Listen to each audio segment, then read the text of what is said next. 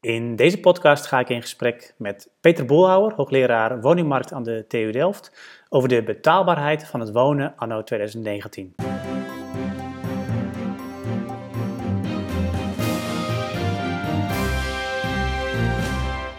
Oké, eh, Peter, uh, van harte uh, welkom in, in, dit, in dit interview, om het zo maar Ja. te zeggen, in deze podcast. Ehm, we kennen jou natuurlijk als, als hoogleraar eh, woningmarkt, eh TU Delft, maar ehm, het is wel leuk om, eh, om, om nog iets meer te vertellen over wat je ook in, in jouw dagelijkse werk zo al doet met corporaties. Waar kom je de, de woningcorporaties met name tegen in jouw dagelijkse werk?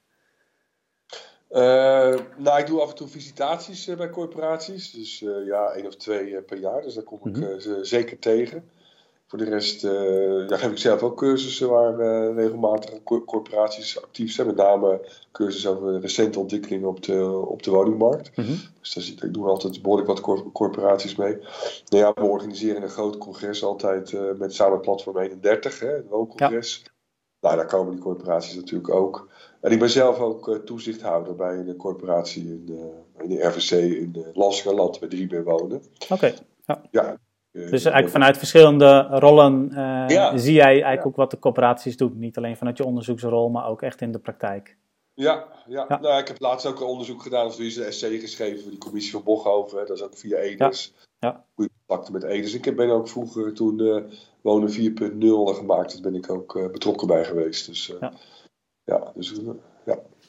Dus ik volg Ja. het goed. Ja, ja, inderdaad. En eh, nou ja, je hebt natuurlijk ook eh, het een en ander ook eh, geschreven en gepresenteerd ook over betaalbaarheid. Ja. Ehm, en, en daar ga je ook iets over vertellen op het seminar op eh, 17 april. Ehm, ik ben wel, ben wel benieuwd, zeg maar, vanuit jouw onderzoek, hoe, je, hoe je dan ziet, wel- welke groepen eigenlijk op de woningmarkt nu ehm, ja, met name last hebben van die betaalbaarheid van het wonen. Ja. Ehm, nou, je ziet enorme verschillen, hè? met name ook tussen koop en huur. Je ziet in de, in de koopsector, er zijn de woonquotes de afgelopen jaren eh, behoorlijk gedaald. Hè? Mhm. Eh, dat zijn vooral mensen die het verleden al gekocht hebben. Ja. Daar, daarentegen, als je natuurlijk nu voor het eerst moet gaan kopen, dan is het behoorlijk hoog, behoorlijk hoge quotes. Maar daar wordt het ja, ook afgegrendeld door de normen uit de gedragscode. Je, ja, je, die LTI's, die loan to income, staan gewoon vast eigenlijk. Ja, ja. En wat je dan ziet is dat... ja, dat Je mag gewoon niet meer lenen dan een x percentage Nee, dan een van, van je percentage. En die- wat je dan in de praktijk ziet, is dat zeker als het wat jongeren betreft, dat ze dan binnen een paar jaar op lage quotes zitten. Want Ja. die gaan natuurlijk vaak eh, hebben een carrière of hebben eh, überhaupt loonsverhogingen. Ja. Dat daar wordt het heel strak gedaan. Mhm. Je ziet het ook in, in de particuliere huursector, eh, met name in schaarste gebieden. Ja, dan hanteren die, eh, die beleggers van vaak 4, 4,5 keer je, je, bruto, eh, je maandhuur, bruto inkomen. Ja. dan, dan kom je op, op heel be- betaalbare quotes uit. Ja. Alleen, het, het is haast voor heel veel mensen is niet op te brengen. In die zin dat ze een te Ja. laag inkomen hebben. Dus Alleen de mensen die, die erin mogen, ja, voor hen is het ja, zo die betaalbaar. kunnen Ja, betalen, ja, maar ja, degenen ja. die aan de kant staan, die, die hebben een probleem. Ja. Nou ja, en, en wat we natuurlijk nu zien is met die middeninkomensgroepen, daar zit, daar zit echt een groot probleem, vind ik. Ehm, ah, er wordt on- onvoldoende in al die berekeningen, of al die, die nor- normeringen, wordt onvoldoende rekening gehouden met de huishoudensamenstelling. Mhm. Dus ja, het maakt, het maakt nogal uit of je in je eentje van een bepaald inkomen moet rondkomen of met vijf kinderen, hè, overdreven, maar met een groter gezin. Maar daar houden ze helemaal geen rekening mee. En dat doet natuurlijk de corporatiesector in principe ook nauwelijks. Hè. Bij-.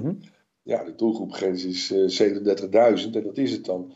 En Bob Witjes, eh, die, die heeft bij ons onderzoek gedaan, is afgestudeerd, die werkt nu bij Edes ook. Die heeft laten zien dat er een enorme eh, differentiatie in zit in, in betaalmogelijkheden. Ja, dus dan kun je wel een quote hebben, maar die is gewoon niet op te brengen voor, eh, voor mensen met, met wat een groter gezin. Ja. Dus ja, je zou eigenlijk, wat in de huurtoeslag ook wel mondjesmaat gebeurt, hè, met verschillende tabellen werken. Ja, je moet, je moet onderscheid gaan maken tussen betaal, eh, wat het Nibud ook doet, hè, betaalkracht. En dat is afhankelijk van het aantal personen wat je moet. Ja. eh. Ja. Dus daar, nou goed, maar vooral, vooral voor die middeninkomensgroepen gaat het dus, en met kinderen gaat het dus hopeloos mis. Want ja, die Mhm. Vallen letterlijk tussen alle regelingen in. Ja. ja, kom je dan op de particuliere huursector, ja, dan betaal je natuurlijk gewoon de hoofdprijs. En dat, eh, ja, dat, zijn, dat zijn toch wel hele forse quotes die mensen Mhm. moeten betalen. En In in, de, Ja? In de sociale huursector, daar wilde je al naartoe? Ja, daar is het ook behoorlijk opgelopen. Ja, daar zitten we op het woonzaten op 26% nu de laatste keer. Maar dat zal ongetwijfeld met de nieuwe woon weer wat gestegen zijn. Ja. ja wat we zien hebben de laatste vier, vijf jaar, dat is gelukkig de laatste twee jaar nu uh, niet meer aan de hand. Is dat de inkomens daalden en de huren, ja, die stegen met tussen de, ja, rond de 4% op jaarbasis. Ja. ja dan, dan gaat het natuurlijk hard, hè. Dan, dan hou je natuurlijk heel weinig, uh, gaan de quotes hard omhoog. Ja, ik ben heel blij dat er nu een betaalbaarheidsakkoord is gesloten tussen de Woonbond en Edes. Dat we nu inflatie volgend huurbeleid gaan krijgen. Dus dat er weer wat, uh, wat, uh, wat, ja, wat ruimte ontstaat. En wat je natuurlijk ook ziet, is dat door het huurbeleid van die corporaties, ja, alles, de prijs-kwaliteitsverhouding is bijna weg. Hè? Alles gaat rond die aftoppingsgrenzen aanklonteren. En dat is natuurlijk ook, ja, dan moet je ook afvragen, is dat nou een, een handige situatie? Ja, ja. Wat, wat, wat zie je als, als uh, belangrijkste oorzaak uh, of oorzaken van betaalbaarheidsproblemen, met name dan in de sociale huursector? Ja, het belangrijkste vind ik is dat we geen, vanuit het, vanuit het Rijk of vanuit de overheid of het beleid geen, geen heldere criteria hebben. En dat hebben we in de koopsector wel. Nou, daar kun je heel veel op afdingen, op die, op die uh, LTI-normering. Maar in de huursector hebben we dat eigenlijk helemaal niet. En da daar wringt de schoen. Dus, dus ja, uh, zolang we niet bepaald hebben wat de betaalbare huur is, en, en ja, dan, dan, dan heb je natuurlijk problemen. Mm -hmm. Dus we zouden eerst eens moeten vaststellen met z'n allen van, nou, dit vinden we op basis van de samenstelling van een bepaald huishouden, vinden we een, uh, een acceptabele huur. Ja, dat zou de overheid eigenlijk moeten vaststellen, want... Ja, of met elkaar, overheid, ja. corporaties. Of in ieder geval dat je daar, met het hè, NIBUD kan daar een belangrijke rol spelen. Die hebben ook die voorbeeldbegrotingen. Uh, kijk, wat je nu ziet is dat tot modaal wordt, wordt, wordt de koopkracht als het ware helemaal in elkaar gedrukt. Dus de marginale druk noemen we dat. Die is ongekend hoog. Dus je gaat een paar honderd euro meer verdienen, maar je merkt er in je netto-inkomen helemaal niets van. Nee. Ja, want je kinderbijslag gaat, wordt lager, je kindgebonden budget, je huurtoeslag, je zorgtoeslag, gaat allemaal zakken. Ja. Is zelfs zo erg, als je rond de 5.000, 36.000 zit, dan ga je er netto zelfs op achteruit. Dus Ja. dan ga je in die 37, ga je netto op achteruit. Uh, als je meer gaat verdienen. En als je, over, als je over die 37 komt, dan is het helemaal mis. Want dan wordt het nog veel moeilijker om in de sociale huursector te komen. Ja, dan ga je ineens 300, 400 euro meer huur betalen. Dus ja, dat, dat wordt in de, in, in de praktijk ook als zeer onrechtvaardig. En, en ja, dat ervaren door, door, door huishoudens. Mhm. Dus, dus daar moet je echt wat aan doen. Gelukkig gaat de huurtoeslag die gaat nu uh, geleidelijk. Hè. Daar komt niet meer zo'n abrupte uh, grens in, maar dat wordt geleidelijk afgebouwd naarmate die inkomen stijgt. Nou, dat, dat, dat, moet je hebben. Je moet het veel meer uh, geleidelijk gaan doen. Dat zou je eigenlijk ook met andere inkomensvoorzieningen moeten willen. Ja, ja, ja. je moet niet die harde grens hebben. En je moet natuurlijk wel, ja, dan moet toch wel, ook als je wat meer gaat verdienen, dan moet toch wel ook dan dat je net al iets gaat overhouden. En dat, Mhm. dat is toch haast niet meer uit te leggen. Dat je tot modaal in feite hetzelfde inkomen houdt. Dat, dat kan niet waar zijn. En dat zijn Ja. natuurlijk behoorlijke groepen. En ja, dan kun je de corp. En ja, dus, dus dat, dat is echt, echt een groot probleem, vind ik. Nou ja, je, je wilde het woord corporaties al, eh, al, al noemen.